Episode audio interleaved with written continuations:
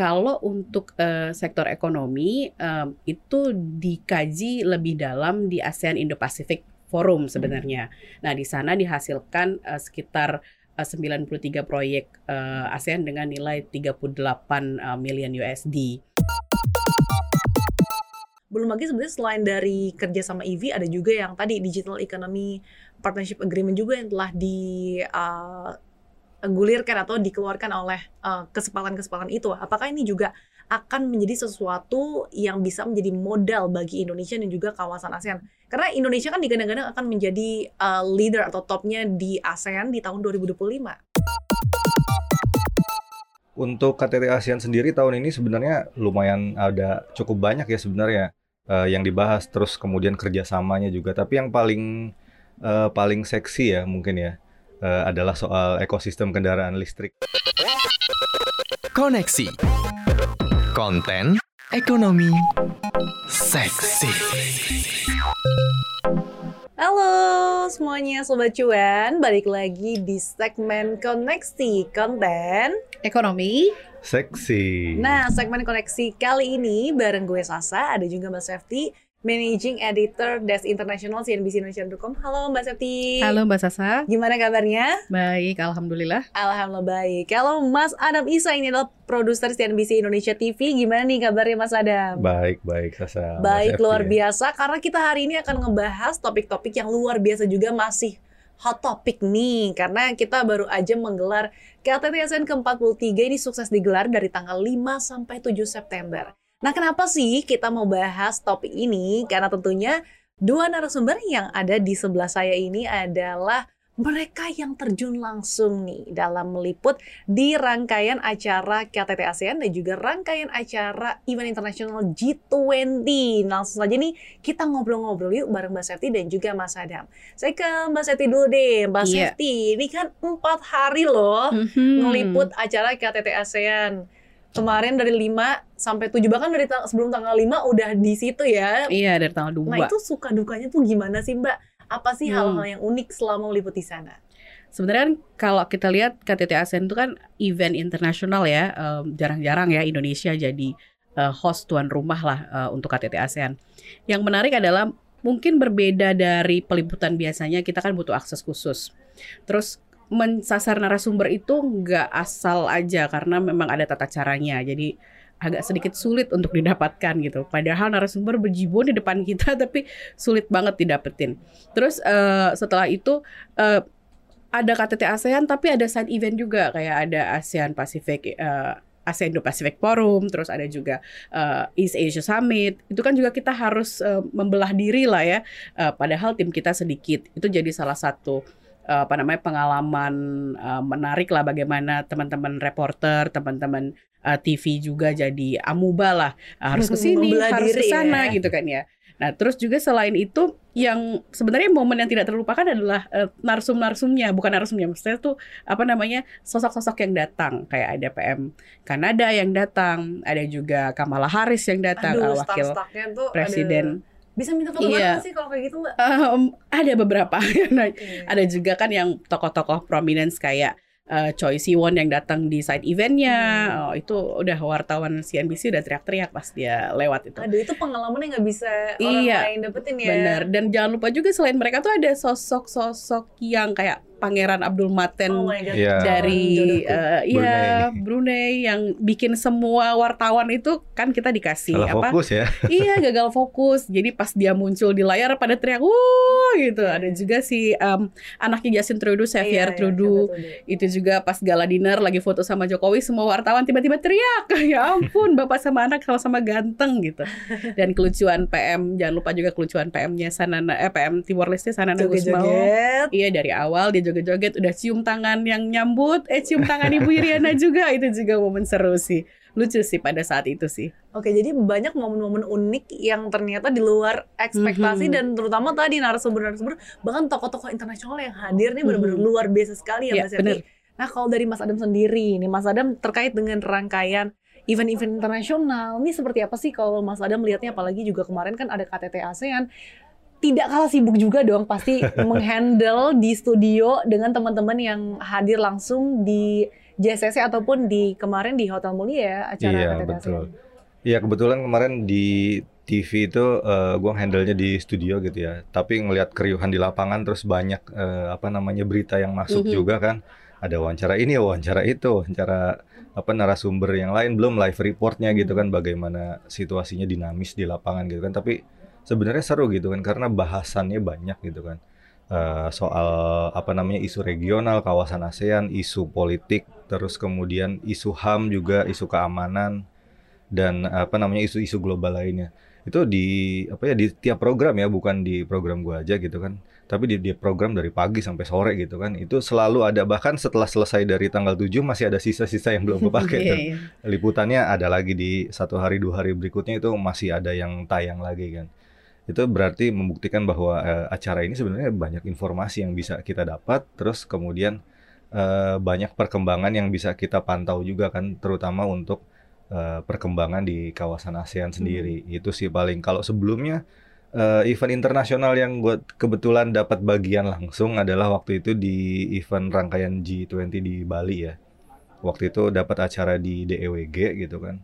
Itu juga sama tuh apa namanya di sana ya hiruk pikuk tadi kayak Mbak Septi bilang ya gitu kan Eh, banyak narasumber bagus gitu kan tapi kita apa namanya terikat dengan aturan gitu kan nggak bisa sembarang nyodorin Nggak bisa kita kayak interview biasa gitu. main doorstop gitu Iya. ya. Bener, ada ada momen-momennya ketika eh, panitia bilang oke eh, ini boleh wawancara. Nah itu baru kita urep apa namanya kumpul semua baru wawancara dan dan harus benar-benar pada saat itu tuh kita harus benar-benar mikirin bahwa apa yang mau kita tanyain, Mhm. isu apa yang paling menarik untuk diangkat. Itu sih Karena yang waktunya tight juga ini. Hmm, waktunya waktunya terbatas tipis ya gitu, mereka terus kasih. kita harus milih gitu kan tema apa yang paling menarik untuk dibahas dengan narasumber yang ada gitu. Nah, sebelum sih. kita kulik-kulik lagi nih isu-isu yang dihasilkan dari KTT ASEAN, saya pengen ke Mbak Seti lagi nih. Dalam gelaran KTT ke-43 ASEAN, ini yang Mhm. cukup menarik yang juga jadi highlight adalah media centernya. Mhm. Karena ini ternyata cukup unik dan bahkan digadang-gadang ini menjadi yang paling mewah yang pernah digelar begitu ya. Bahkan di antara negara-negara ASEAN tuh kayaknya media center Indonesia tuh yang paling kece gitu ya. Mbak Seti boleh cerita nggak sih ada apa aja sih dan hal-hal unik di sana ada apa aja? Kalau mau jujur memang media centernya ASEAN ini kalau menurut saya boleh bisa dibilang tuh bintang 5 ya. Wow, bintang lima. Semuanya ada. Jadi wartawan tuh ya mungkin karena kita memang di dalam satu gedung itu nggak bisa ngapa-ngapain nih, maksudnya nggak bisa keluar masuk sembarangan. Jadi di sana tuh kalau mau makan siang disediain, makan malam ada. Terus kalau kita butuh cemilan, bete dikit butuh coklat ada, butuh ngopi karena ngantuk bisa gitu kan ya. Terus eh, kalau misal capek juga di sana disediain yang namanya tempat pijet loh. Kebayang nggak sih wartawan di servis luar biasanya di sana? Belum lagi kalau lo sakit ada klinik juga. Jadi beneran di sana itu bener-bener kayak servisnya bintang 5 deh. Eh, memang Indonesia menurut saya sih nggak gagal pada saat itu jadi penyelenggara KTT ASEAN. Mungkin kalau compare sama negara lain mungkin nggak ada yang se-wow itu sih untuk Mhm. wartawannya ya. Karena apalagi ini kan ada Untuk mastiin ini ya. 1.700-an jurnalis ya yang hadir. Jadi otomatis ini juga jadi wajah Indonesia dong Yap, dalam benar. Untuk memastikan bahwa berita-beritanya semua tersebar. betul dan Mhm. juga tentunya untuk mendukung jurnalis-jurnalis terutama jurnalis event internasional gitu ya yang Mhm, bahkan mhm, datang langsung nih ke acara Betul. KTT ASEAN. Nah, kalau dari Mas Adam sendiri nih dengan adanya gelaran KTT ASEAN ke-43 ini apa sih topik-topik yang tadi dibilang ini cukup menjadi highlight ataupun mungkin ini ternyata diulang dipakai lagi berita-beritanya karena ini menjadi eh, bisa dikatakan yang paling banyak nih dinonton.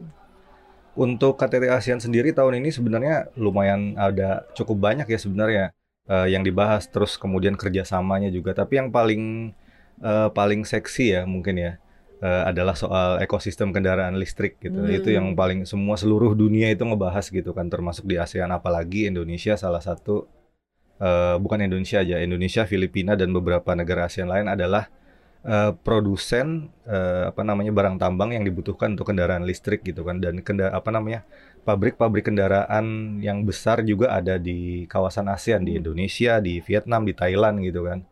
Itu jadi pembahasan semua global dan itu apa namanya ada pembahasan untuk kerjasamanya dengan mungkin dengan Amerika, China dan segala macamnya. Untuk kawasan regional sendiri yang yang dibahas itu kalau nggak salah ada eh gue sih highlight ada tiga ya kayaknya. Masalah pertama Myanmar gitu kan, masalah HAM gitu Isu HAM. isu HAM.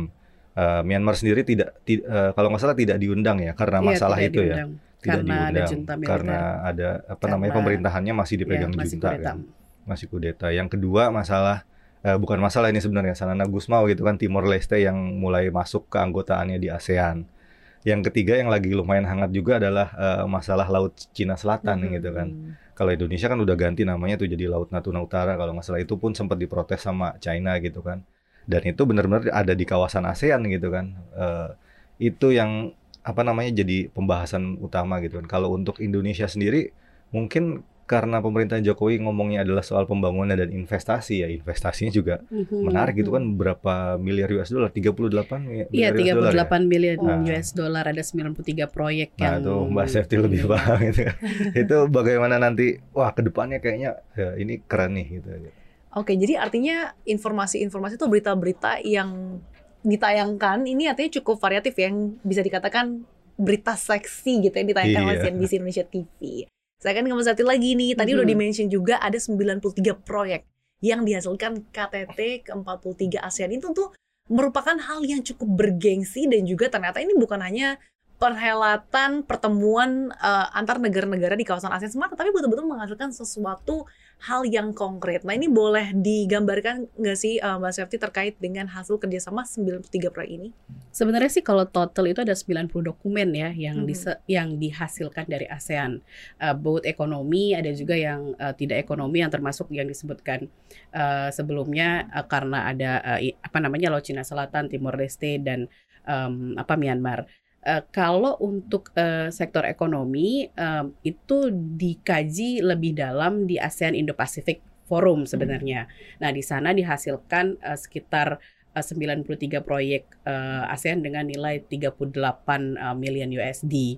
Nah, uh, proyek-proyeknya seperti apa tentu akan ada follow up lebih lanjut. Tapi secara garis besar benar tadi kata Mas uh, ada soal EV yang dibahas di sana, tapi sebenarnya kalau saya bisa kelompokkan itu ada soal ketahanan pangan, ada soal transisi energi, lalu ada soal blue economy, lalu setelah itu ada soal apa namanya digital um, Economy. economy, Partnership ya. yes, uh, partnership, lalu ada juga uh, soal uh, apa namanya keuangan lintas negara gitu loh. Nah, jadi memang ada beberapa hal yang dibahas. Nah, ada juga soal em, bagaimana satu negara ASEAN dengan negara ASEAN lain ter eh, sinkronisasi elektrisitinya itu juga jadi salah satu proyek. Tapi kalau untuk Indonesia sendiri eh, apa namanya side-side setelahnya kan memang banyak ya. Em, tapi untuk kalau ASEAN sendiri kita harus lihat lagi nanti dokumen itu aktualnya ke depan itu seperti apa memang harus dikaji tapi setidaknya kita punya dasar landasan apa aja investasi-investasi yang nanti ke depan akan digarap bersama oleh Hmm. ASEAN gitu Termasuk sih. salah satunya adalah EV yang tadi juga Yes. di-mention sama Mas Adam ini menjadi salah satu berita cukup populer yang ditayangkan Mhm. oleh CNBC Indonesia TV. Itu sebenarnya seperti apa sih Pak bentuk kerjasama atau mungkin eh, langkah-langkah kerjasama konkretnya seperti apa dengan negara-negara mitra? Nanti itu kalau nggak salah ada kerjasama dengan tiga negara ya, eh, apa namanya eh, Jepang, terus nanti juga ada Korea, ada juga eh, China. Nah, yang menarik kalau kita eh, boleh sedikit spill pada saat eh, acara side eventnya ASEAN itu kan Indonesia kan mencoba menawarkan tiga proyek EV. Eh, salah satunya dengan LGES dan Minaidi. Nah, ternyata walaupun cuma tiga nih yang coba ditawarkan, tapi antusiasme dari apa namanya investor itu ternyata banyak di sana, banyak ke sana.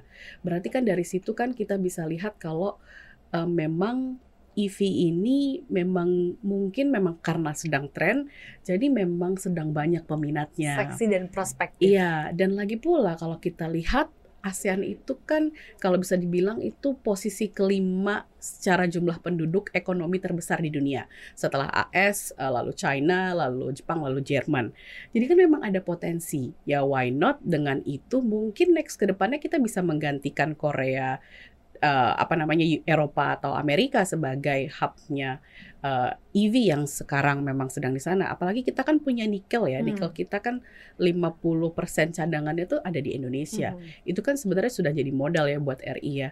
Nah, mungkin nanti ke depannya kan eh, apa namanya bisa di gimana sama pemerintah supaya investasi lebih banyak masuk dan mungkin apa yang diharapkan ke depan untuk menjadi hub dari EV di Indonesia bisa terjadi. Nah ini menarik nih.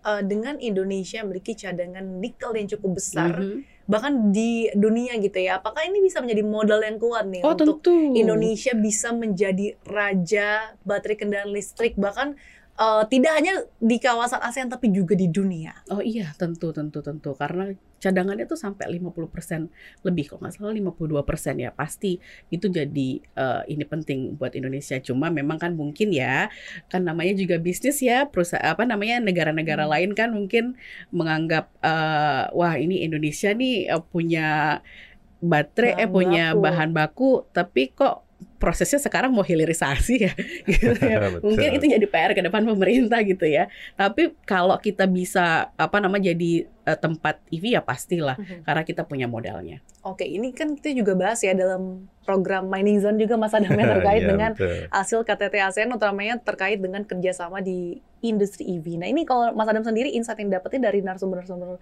di studio seperti apa sih?